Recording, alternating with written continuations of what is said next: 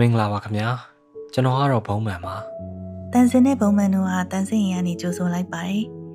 ဒီနေ့တော့ရေဒီယိုပေါ်မှာပထမအဆုံးဆုံကြရတာဆိုတော့တန်စင်တို့နှစ်ယောက်ကိုကိုကိုအရင်မိတ်ဆက်ရင်နဲ့တန်စင်ရင်လေးအကြောင်းပြပြမယ်နော်တန်စင်ကတော့တန်စင်ရင်ကိုလာလေတဲ့ချစ်ရတဲ့ရဲ့လေးလိုင်းပေါ်ကတိုင်ပင်ပေါ်ရှင်ဖွင့်မော်ကောင်းပါလေးပါ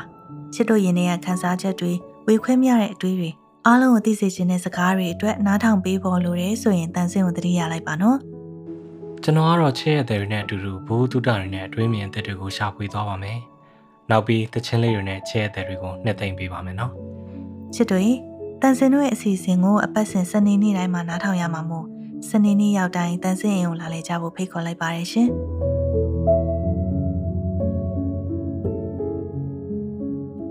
ချစ်ရတဲ့တွေဒီနေ့ကဇန်နဝါရီလ၁ရက်နေ့2022ခုနှစ်ရဲ့ပထမအဦးဆုံးနှစ်သစ်နေ့နော်။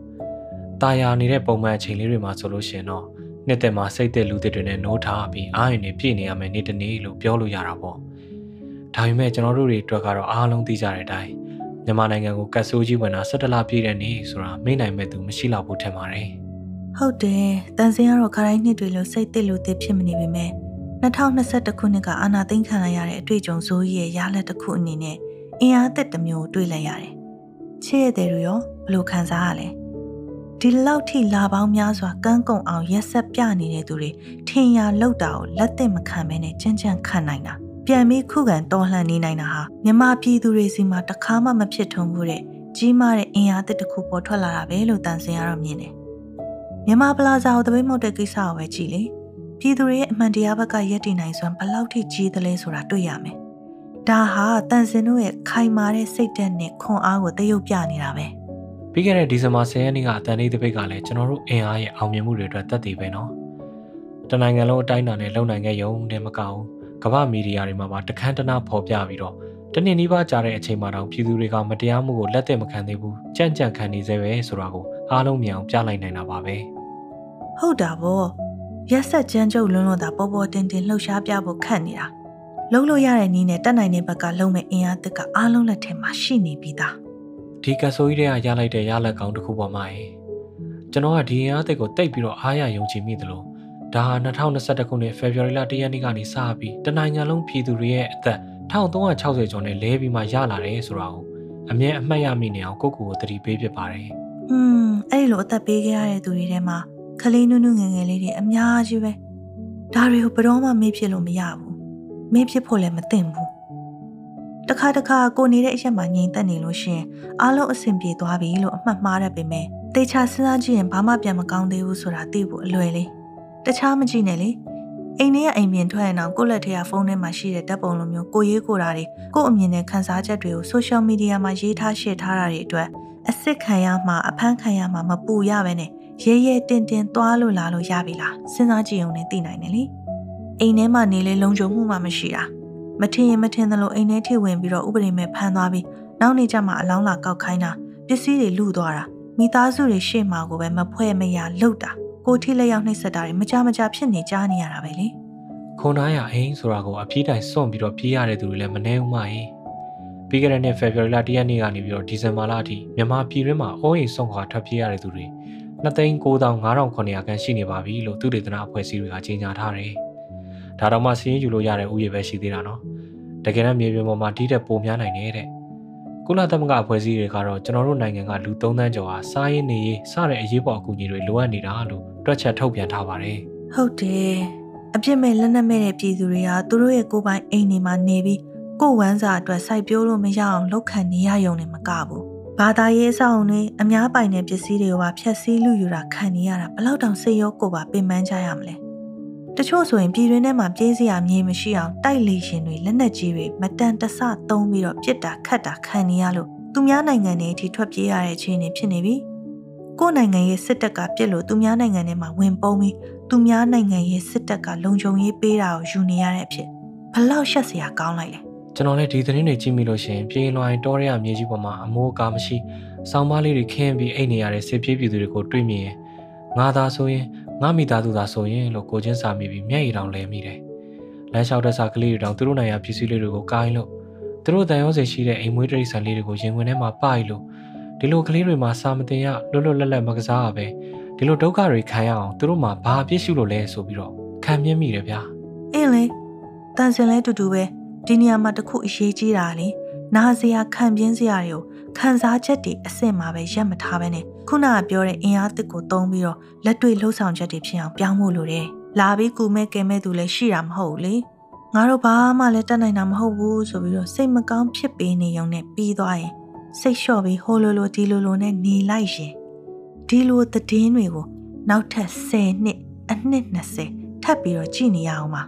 မလုံမချုံနေရတဲ့ဘဝတွေကိုထပ်ပြီးတော့ဖြတ်တန်းနေရအောင်ပါအမှန်ပါပဲမကြီး ဒါကြောင့်မို့ကျွန်တော်ရဲ့ပြည်ပအတိမိတ်ဆွေတွေကကျွန်တော်ကိုမြန်မာပြည်ရှေ့လျှောက်ဘလို့ဖြစ်သွားမှာလဲလို့မေးတဲ့အခါတိုင်းကျွန်တော်ဘလို့ပြန်ဖြေရတယ်ထင်လဲอืมပြောပါအောင်ဘယ်လိုဖြေတာလဲဖေဖော်ဝါရီလ၁ရက်နေ့ကတည်းကစခဲ့တဲ့ကတ်ဆိုးကြီးကိုမြန်မြန်ပြီးစေချင်တဲ့သူတိုင်းကကံကိုပဲပုံချမနေဘူးရန်သူတွေကိုထိုင်ဆဲနေုံနဲ့လည်းမပြီးဘူးကယ်တင်ရှင်လည်းမျှော်မနေဘူး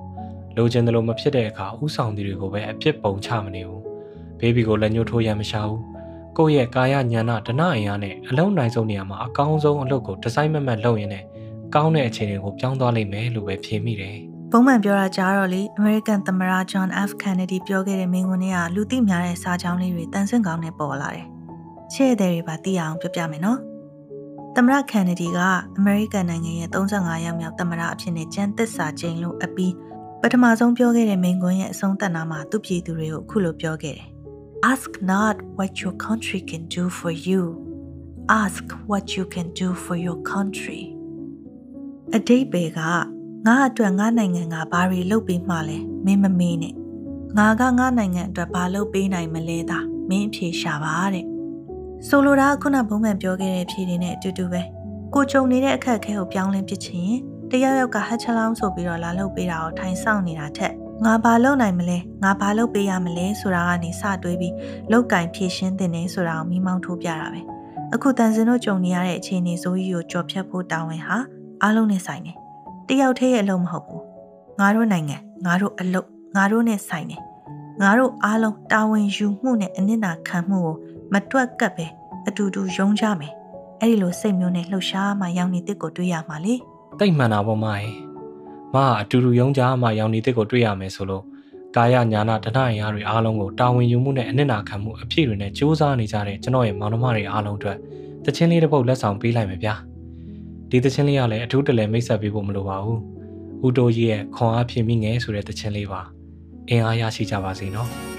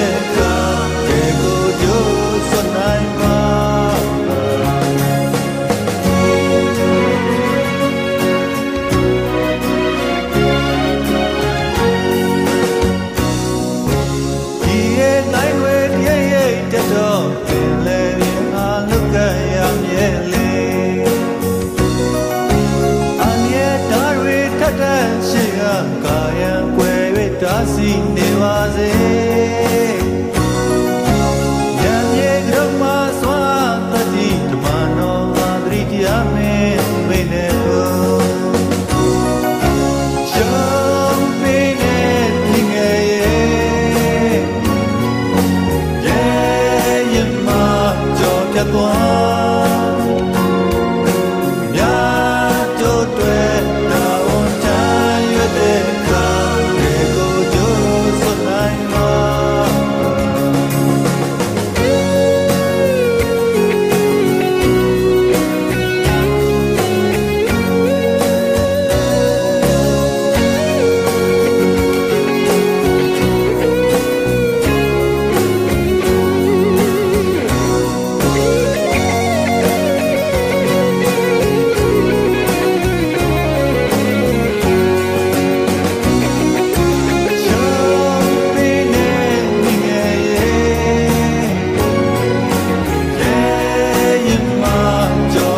one.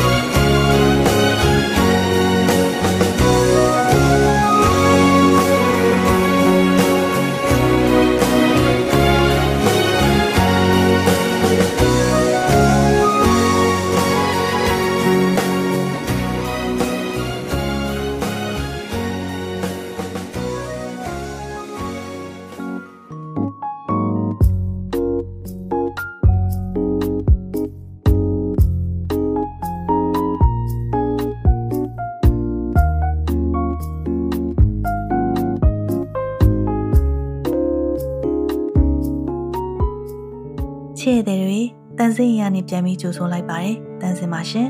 ဘုံမှန်ပါခင်ဗျာအခုဆက်ပြီးတော့တန်းစင်ရဲ့ချစ်ရတဲ့တွေအတွက်ကျွန်တော်တို့ဖတ်ထားရှာထားတဲ့သမိုင်းအပိုင်းစာတစ်ခုနဲ့ကြပြတစ်ပုတ်အကြောင်းစကားဝိုင်းဖွဲ့သွားကြပါမယ်တန်စင်ကတော့လေတမိုင်းအပိုင်းအစတွေဆိုတာရွှေထွက်တဲ့နေရာကချောင်းထဲကရွှေစားရွှေနာလေးတွေလိုပဲလို့ထင်တယ်။တဲစားကြောက်စားတွေနဲ့ရောနေလို့ရွှေမှန်းတဲမှန်းမတိတာရုံပဲရှိမယ်။ရွှေကနေတဲဖြစ်မသွားသလိုတဲမုံကလည်းရွှေမုံဖြစ်မလာနိုင်ဘူး။ အလိမ်အညာတွေရောနေတာများလို့လူတွေကမတိခဲ့လို့မတိသေးလို့သာအဖြစ်မှန်တမိုင်းစစ်စစ်ကမြုပ်ွယ်ခြင်းမြုပ်ွယ်နေမယ်။ဖြစ်စဉ်ကပျောက်ပြက်သွားနိုင်တဲ့အမျိုးမဟုတ်ဘူး။နိုင်ငံကျော်စာရေးဆရာကြီးတကုံတာယာကတော့ဒီလိုအခြေအနေကိုမှင်နဲ့ရေးတဲ့မူသားတွေဟာသွေးနဲ့ရေးတဲ့တမိုင်းတွေကိုဖုံးလွှမ်း၍မရနိုင်ဘူးလို့ဆိုခဲ့ဘူးတယ်နိုင်ငံတကာကပါလေးစားရတဲ့သမိုင်းပညာရှင်ကြီးဒေါက်တာတန်းထွန်းကတော့သမိုင်းတင်တာမအောင်လို့ဆုံးမခဲ့ပူပါတယ် ဒီတော့ကျွန်တော်တို့လည်းသွေးနဲ့ရေးခဲ့တဲ့အဖိုးတန်တဲ့သမိုင်းစာနာလေးတွေကိုရွှေ့ကျင်သလိုအတူတူရှာဖွေလေ့လာကြည့်ကြမယ်နော်။တန်စင်တို့ဒီနေ့ရှာတွေ့ထားတဲ့တမိုင်းပိုင်းစာလေးထဲမှာတော့အသိဉာဏ်ရှိပြီးခေပညာတတ်ပေမဲ့တရေဘောကြောင့်မရဲ့လူတစ်ယောက်အကြောင်းနဲ့နောင်ကျမှသူ့အဖြစ်ကိုဝန်ခံတဲ့အနေနဲ့နောင်တအတန်ပါပါရေးခဲ့တဲ့ကြပြလေးတစ်ပုဒ်ပါတယ်ကြပြရေးသူနဲ့အရင်မိတ်ဆက်ပေးပါမယ်သူ့နာမည်ကမာတင်နီမိုလာတဲ့နီမိုလာဟာ1892ခုနှစ်ဂျာမနီနိုင်ငံလစ်စတက်မြို့မှာမွေးဖွားခဲ့တဲ့ဂျာမန်လူမျိုးဓမ္မဆရာတစ်ယောက် သူကတရားဓမ္မကိုင်းဆိုင်တဲ့ရှေးရိုးဆွဲပြီးပြီးအဲ့ဒီအချိန်ကလူရန်စားမျိုးတန်းတူညီမျှမှုကိုဦးတည်တဲ့ကွန်မြူနစ်ဝါဒကိုစန့်ကျင်ပြီးတော့ဂျာမန်အမျိုးသားရေးကိုပဲအခြေခံတဲ့ဟစ်တလာရဲ့လုပ်ရက်တွေကိုထောက်ခံခဲ့မိသူတစ်ယောက်ပါ။ဒါပေမဲ့ဟစ်တလာဟာအာဏာရပြီးတဲ့နောက်ပိုင်းမှာတော့အမျိုးဘာသာသာသနာကိုအကြောင်းပြပြီးတော့သူ့လက်ထဲနိုင်ငံအာဏာခိုင်မြဲနေဖို့ပဲဥတည်လာတော့တယ်။နာဇီဝါဒဟာအမျိုးသားရေးကိုတစ္ဆာရှိတာဆိုပြီးသူနဲ့သွားရလမ်းမတူတဲ့လူတွေကိုဥတီချက်ရှိရှိနဲ့တုတ်တင်ရှင်းလင်းတာတွေဖြစ်လာတယ်။ ဒီတော့နီမိုလာကစိတ်ပြတ်နှောင်တရပြီးသူ့ရဲ့တီချက်ကိုပြောင်းပြစ်နိုင်ခဲ့တယ်။ဟစ်တလာကိုစန့်ကျင်တဲ့ဂျာမန်ဓမ္မဆရာအုပ်စုကိုဦးဆောင်ခဲ့တယ်။အဲ့ဒီအတွက်လည်းဒုတိယကမ္ဘာစစ်ပြီးတဲ့အထိနှစ်ရှည်လများဖမ်းဆီးထောင်ချခံခဲ့ရဘူးတယ်။စစ်ကြီးပြီးမှတော့နီမိုလာဟာသူ့ရဲ့ယုံကြည်ချက်အမှားတွေကိုဝန်ခံခဲ့တယ်လို့ဂျာမန်လူမျိုးတွေအနေနဲ့လူတွေကိုနှိပ်စက်ညှဉ်းပန်းခဲ့တာတွေအတွက်နှောင့်တရဖို့အပြစ်ဝန်ခံမှုနဲ့ကိုယ့်ရဲ့အဖြစ်ကိုတာဝန်ယူဖို့ဥဆောင်တိုက်တွန်းခဲ့တဲ့သူတစ်ယောက်ဖြစ်လာခဲ့ပါတယ်။ သူ့ရဲ့နှောင့်တတွေနဲ့ခြံထားခဲ့တဲ့ကြပြလေးကိုတော့မာကပဲဖတ်ပြပေးပါအောင်နော်อืมနားထောင်ကြည့်နော် First they came for the communists and I did not speak out because I was not a communist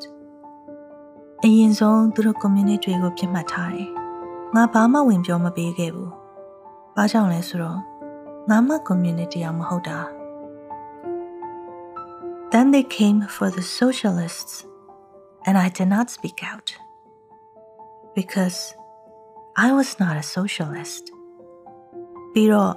သူတို့ socialist တွေကိုပြစ်မှတ်ထားတယ်ငါဘာမှဝင်ပြောမပေးခဲ့ဘူးဘာကြောင့်လဲဆိုတော့ငါမှ socialist တရားမဟုတ်တာ Then they came for the trade unionists and I did not speak out because I was not a trade unionist နောက်ပြီးတော့သူတို့အလုပ်သမားအရေးဆိုသူတွေကိုပြစ်မှတ်ထားတယ်ငါဘာမှဝင်ပြောမပေးခဲ့ဘူးဘာကြောင့်လဲဆိုတော့ငါမှအလုပ်သမားသမဂ္ဂအဖွဲ့ဝင်မဟုတ်တာ Then they came for the Jews and I did not speak out because I was not a Jew နောက်ပြီးတော့သူတို့ Jew တွေကိုပြစ်မှတ်ထားတယ်ငါဘာမှဝင်ပြောမပေးခဲ့ဘူးဘာကြောင့်လဲဆိုတော့ ငါမှ Jew လိုမျိုးမဟုတ်တာ Then they came for me and there was no one left to speak out for me နောက်ဆုံးတော့သူတို့ငါးစီကိုဦးတည်လာတယ်ဒါပေမဲ့တရားမှမကြံတော့ဘူးငါအတွက်ဝင်ပြောပေးမဲ့သူတွေချစ်ရတဲ့တို့ရေဒီသမိုင်းစာနာတဲ့ကြပြအကြောင်းလေးနားထောင်ကြည့်ပြီးတော့ မှားရွံ့တဲ့လုပ်ရက်တွေကိုထင်ထင်ရှားရှားမြင်နေပါလျက်နဲ့ငါတို့နဲ့မဆိုင်ပါဘူးဘာကောမှမသိချင်ဘူးမမြင်ချင်ဘူးဆိုပြီးတော့ကိုယ်စိတ်တက်တာရအောင်ပဲရှာနေတဲ့လူတစ်ယောက်ရဲ့နောင်တပူပူတွေကကြပြစာသားတွေကြားကနေကျွန်တော်ရင်ထဲအထိလာဟတ်တယ်လို့ခံစားမိပြီးတော့အတော်လဲတုန်လုံးမိပါတယ်ဒီကပြောင်ရေးခဲ့တဲ့နီမိုလာကအချိန်မီအမှန်တရားကိုလက်ခံပြီးဆိုးရွားလွန်းတဲ့နာဇီဝါဒကိုကြောခိုင်းမှုအခွင့်တာခဲ့ပါတယ်။ဒါပေမဲ့အုံနောက်တွေနှလုံးသားတွေရှိတဲ့လူတွေဖြစ်ပါရဲ့နဲ့အမှန်ကိုမျက်ကွယ်ပြုခဲ့တဲ့သူတွေကိုနောက်ဆုံးအချိန်မရောက်ခင်မှာ အမှန်ကိုရင်ဆိုင်စေခြင်းတဲ့အနေနဲ့ကောအတိနောက်ကျခဲ့တဲ့သူ့ကိုယ်သူအပြစ်တင်တဲ့အနေနဲ့ကိုဒီကြပြာကိုရေးခဲ့တယ်လို့ထင်မိတယ်။သူ့ကြပြာတွေကလိုပဲအမားမှန်ခွဲခြားနိုင်တဲ့ဉာဏ်ပညာရှိရတဲ့အမှန်ဘက်မှမရက်တည်ရင်တကယ်တမ်းကိုဘေးကြုံတဲ့အခါကျမှကုမဲ့ကင်မဲ့သူလိုချင်လို့မရဘူးနော်။ကိုယ့်ဘောကောင်းစေခြင်းကိုယ်တိုင်ရစပြီးတော့တရားသဖြင့်ကျင့်ကြံပြောဆိုမှရမယ်ဆိုတဲ့ကြပြာဆရာရဲ့စေတနာဒေါသလေးကိုကောင်းကောင်းခံစားလိုက်ရတယ်။ချစ်ရတဲ့ရော ဘယ်လိုခံစားရလဲ။ comment နဲ့ဖြစ်ဖြစ်တန်းစင်းစီကိုစာရေးပြီးတော့ပြောပြပါနော်။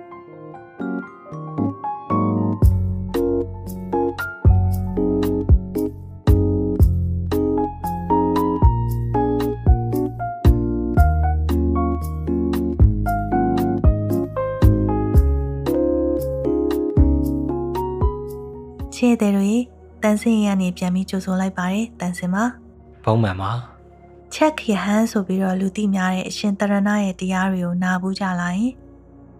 ဒီတစ်ပတ်ကနေစပြီးတော့ဆရာတော်အရှင်တရဏရဲ့ယဟန်မှစစ်သားသူဆိုတဲ့တရားစာအုပ်ထဲကစာသားလေးတွေကိုဘုံမှန်ကအပိုင်းလိုက်အပတ်စဉ်အတန်အေးအေးလေးနဲ့ဖတ်ပြသွားပါမယ်ဟုတ်ကဲ့ပါခင်ဗျာဆရာတော်ကစာအုပ်ရဲ့အမှားနေရာမှာဒီစာအုပ်လေးကစစ်သားကြီးအတွက်လမ်းညွှန်ဖြစ်ပါတယ်ဒီစာအုပ်ကိုမိမိမျက်လုံးနှလုံးကိုကာကွယ်တယ်လို့ကာကွယ်ပါလုံခြုံတဲ့နေရာမှာထားပါချစ်မြတ်လို့ပါ နေတိုင်းဖတ်ပါလို့မိန့်မှာထားပါတယ်ကဲအစကနေဖတ်ပြပါမယ်နော်ယဟန်နဲ့စစ်သားဘာတူပါသလဲမြတ်စွာဘုရားကတရားဓမ္မဆိုင်ရာဘုရင်မင်းကြီးဖြစ်ပြီးတော့မြတ်စွာဘုရားရဲ့တပည့်တန်ဃာတော်ယဟန်မြတ်တွေကတော့အမြင့်မြတ်ဆုံးစစ်တပ်ကြီးနဲ့တူပါတယ်ယဟန်တန်ဃာတော်တွေကစစ်သားကြီးတွေအနေနဲ့မိမိစိတ်ကိုအာကုသိုလ်စိတ်တွေကနေကာကွယ်ရပါတယ်။သာသနာတော်ကြီးကိုအယူမှားကနေကာကွယ်ရပါတယ်။ဒီလိုပဲစစ်သားတွေကနိုင်ငံတော်ရဲ့စစ်တပ်ကြီးဖြစ်ပြီး နိုင်ငံတော်ကိုအပြင်ရန်သူတွေကနေရောအတွင်းရန်သူတွေစီကနေပါကာကွယ်ပေးရပါတယ်။ရဟန်းတွေကစီကံများလိုက်နာရသလိုစစ်သားတွေမှလည်းစီကံများလိုက်နာရပါတယ်။ရဟန်းတော်ကနည်းနည်းပဲစားရပါတယ်။နည်းနည်းပဲအိပ်ရပါတယ်။အမြဲမပြတ်သတိကပ်ရပါတယ်။စစ်သားလည်းအဲ့ဒီလိုပါပဲ။နည်းနည်းပဲစားရတယ်။နည်းနည်းပဲအိပ်ရတယ်။အမြဲမပြတ်သတိကပ်ရပါတယ်။ရဟန်းတွေရဲ့စားဝတ်နေရေးဟာတကာတကမတွေရဲ့အလူပေါ်မှာမူတည်ပါတယ်။ စစ်သားလည်းအဲ့ဒီလိုပါပဲ။စစ်သားရဲ့စားစရာတောက်စရာနေစရာဝတ်စရာတွေအားလုံးဟာနိုင်ငံတော်ပြည်သူပြည်သားတွေရဲ့ကျေးဇူးကြောင့်ပဲရပါတယ်။ဘယ်ဗိုလ်ချုပ်ရဲ့ကျေးဇူးကြောင့်မှမဟုတ်ပါဘူး။ဗိုလ်မှူးရဲ့ကျေးဇူးကြောင့်လည်းမဟုတ်ပါဘူး။ပြည်သူပြည်သားတွေကနေ့စဉ်နေ့တိုင်းတစ်နေ့လုံးလေထဲမှာရုံးမှာအပင်ပန်းခံပြီးစစ်သားတွေစားနိုင်အောင်တောက်နိုင်အောင်အမိုးအကာအောင်မှနေနိုင်အောင်အဝတ်ဝတ်နိုင်အောင်တန်မိုးကြီးတဲ့ပတ်စံကိုစစ်သားချမ်းသာအောင်ဆွန့်လွတ်ပေးကြပါတယ်။ ဒါကြောင့်ယဟန်တော်ကမိမိရဲ့တာဝန်ကိုအပြည့်အဝဆောင်ရွက်ခြင်းဖြင့်တကားတကမတွေကိုကျေးဇူးတည်ရသလိုစစ်သားကလည်းမိမိတာဝန်ကိုအပြည့်အဝဆောင်ရွက်ခြင်းဖြင့်ပြည်သူပြည်သားတွေရဲ့ကျေးဇူးကိုတည်ရပါတယ်။ယဟန်တော်ကတာဝန်ကျေအောင်မဖြည့်ဆည်းဘူးဆိုရင်တကားတကမတွေရဲ့ကျေးဇူးကိုမသိသလိုတကားတကမတွေရဲ့အလူကိုလည်းလက်မခံရပါဘူး။လက်ခံမိရင်တကားတကမတွေထံကအကဲ့ရဲ့ကိုခံယူပြီးဒီဘဝမှာလည်းနောင်တရမယ်။နောက်ဘဝမှာလည်းနောင်တရမှာစိတ်ဆင်းရဲမှာ အသက်တူအနာရောဂါရန်သူများစသဖြင့်ဒုက္ခတွေရောက်မှာပါ။နောင်တရခြင်းဆိုတဲ့စကားလုံးကိုကြားဘူးသလား။ရိုးရိုးဒုက္ခနဲ့မတူပါဘူး။ဒုက္ခလို့လည်းမခေါ်ရပါဘူး။ဒီမှာနောင်တရခြင်းဆိုတာအင်မတန်အရေးကြီးတဲ့အခက်အခဲဖြစ်ပါတယ်။နောင်တရခြင်းဆိုတာကိုရှင်းပြပေးပါမယ်။စိတ်ကအရင်ကဖြစ်ခဲ့တဲ့မကောင်းမှုကိုပြန်ပြီးတော့သတိရပြီးအိတ်လို့မရပါဘူး။နေလို့မရပါဘူး။စားလို့မရပါဘူး။ တည်ဆုံးသွားတဲ့အချိန်အထိကိုကိုကိုကိုအဖြစ်တင်ပြီးအင်မတန်စိတ်ဆင်းရဲခြင်းဖြစ်ရပါတယ်။နောင်တရတဲ့ပုံကိုယ်တွေကဉာဏ်ပညာအမှန်မသုံးနိုင်တော့ကိုယ့်အတွက်လည်းအကျိုးမဆောင်ရနိုင်ပါဘူး။သူတစ်ပါးအတွက်လည်းမဆောင်ရနိုင်ပါဘူး။ဘယ်သူမှနောင်တရခြင်းကိုမခံစားခြင်းကြပါဘူး။မကောင်းမှုလုပ်ပြီးရင်နောင်တရမယ်ဆိုတာလည်းဘယ်သူမှဖယ်လို့ညင်းလို့မရပါဘူး။တဘာဝအဖြစ်တစ်ခုပါပဲ။ဒါကြောင့်နောင်တရခြင်းကိုအထူးသတိထားပြီးနောင်တရခြင်းကိုရှောင်နိုင်အောင် ယဟန်တွေရောစစ်သားတွေရောမိမိတာဝန်တွေစည်းကမ်းတွေကိုအပြည့်အဝလိုက်နာဆောင်ရွက်ရပါတယ်။စစ်သားကလည်းမိမိတာဝန်ကိုကြည်အောင်မဖြည့်ဆည်းဘူးဆိုရင်ပြည်သူပြည်သားတွေရဲ့တန်ဖိုးကြီးတဲ့ပတ်စံကနေအစားအသောက်အိတ်ဆရာနေရာဝတ်ဆရာတွေလက်မခံရပါဘူး။လက်ခံမိရင်တနိုင်ငံလုံးရဲ့အကဲ့ရဲ့ကိုခံယူပြီးဒီဘဝမှာလည်းနောင်တရမယ်။နောက်ဘဝမှာလည်းဒုက္ခရောက်မှာပါ။ယဟန်နဲ့စစ်သားတို့ရဲ့ဘဝမှာတူညီတဲ့ချက်တွေအများကြီးရှိပေမဲ့အရေးကြီးတဲ့ကွဲပြားမှုတစ်ခုလည်းရှိပါတယ်။ စစ်သားကနိုင်ငံတော်ကိုအပြင်းရန်သူရောအတွင်းရန်သူကနေပါကာကွယ်နိုင်မယ်ဆိုရင်မိမိတသက်တာအတွင်းမှာပဲကာကွယ်နိုင်ပါတယ်။ယဟန်တော်ကတော့မိမိစိတ်ကိုရောသာသနာတော်ကိုရောကာကွယ်နိုင်မယ်ဆိုလို့ရှိရင်တော့တန်တရားဝတ်ဒုက္ခကနေအပြေးလွတ်သွားပြီးတော့တပည့်ယဟန်တပည့်ဆရာလေးတပည့်တကာတကမတွေကိုလည်းတန်တရားဝတ်ဒုက္ခကနေအမြဲထာဝရလွတ်သွားခြင်းငြိမ်းချမ်းခြင်းလုံခြုံခြင်းအတွက်ဆောင်ရွက်နိုင်ပါတယ်။ ဒါကြောင့်ပညာရှိတဲ့စစ်သားတွေကယဟန်တွေစီမှာဩဝါဒအဆုံးအမခံယူပြီးလိုက်နာနားထောင်ကြပါတယ်။စစ်သားတွေမြင့်မြတ်အောင်ဦးစင်းကလမ်းညွှန်ပေးပါမယ်။ဦးစင်းရဲ့လမ်းညွှန်ချက်အတိုင်းစစ်သားကအကျင့်ကိုလိုက်ပြီးတော့ကျင့်ရင်စစ်ပွဲတိုင်းမှာလည်းအောင်မြင်မှာပါ။ပြည်သူပြည်သားတွေထံကနေလည်းချင်းမုံမှုကိုတသက်လုံးရမှာပါ။ဒီဘဝမှာရောနောက်ဘဝမှာပါချမ်းသာမှုကိုရမှာပါလို့မိန့်ထားပါတယ်ခင်ဗျာ။ချစ်ရတဲ့တွေ စစ်သားနဲ့ယဟန်နဲ့တူညီတဲ့အချက်တွေရှိတယ်ဆိုတာတွေးကြည့်ဘူးလား။ဆရာတော်ရဲ့အတွေးအမြင်ဟာခစ်နဲ့လိုက်ဖက်ပြီးတော့စမ်းသစ်တယ်နော်။တရားဟောထားတာဆိုပြီးတော့ပြင်းဖို့မကောင်းစိတ်ဝင်စားဖို့ကောင်းတယ်။တရားနီးလန်းကြတဲ့ဆုံးမတန်လို့လည်းခံစားရတယ်။တန်ဆင်းတော့အတွေးနဲ့စေတယ်။ချစ်တို့ရဲ့အမြင်တွေကိုလည်း comment ထဲမှာခြံခဲ့လို့ရတယ်နော်။တန်စင်တို့အတူတူဆွေးနွေးရင်းနဲ့ဘ ഹു တုတဝင်မျှကြတာပေါ့။ကဲဒီနေ့တော့ဒီမှာပဲတန်ဆင်းရည်ကနေနှုတ်ဆက်လိုက်ကြရအောင်ပုံမှန်ကြီး။ ဟုတ်ကဲ့ပါမကြီး။ချစ်ရတဲ့တို့ကြီး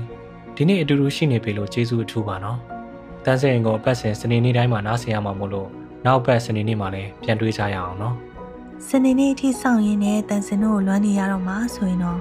လွင်ပြီးသားတန်ဆင်းရင်အစီအစဉ်တွေကို Facebook မှာနဲ့ Apple Podcast, Google Podcast, Anchor နဲ့ Spotify တို့လိုမျိုး podcast application တွေမှာပြန်သွားပြီးတော့နားထောင်လို့ရတယ်နော်။ ဘယ်မှာပဲဖြစ်ဖြစ်တန်ဆင်းအိမ်ဆိုပြီးတော့မြန်မာလိုရေးထည့်ပြီးတော့ရှာရင်တွေ့ရမှာပါ။တန်ဆင်းအိမ်ကိုလာလေတဲ့အတွက်ချစ်တဲ့တွေအားလုံးကိုကျေးဇူးတင်ပါတယ်။ပြန်မဆုံနိုင်သေးခင်အများကြီးမလွမ်းကြီးနော်။အားလုံးပဲတန်ဆင်းအိမ်မှာပြန်ဆုံကြမယ်။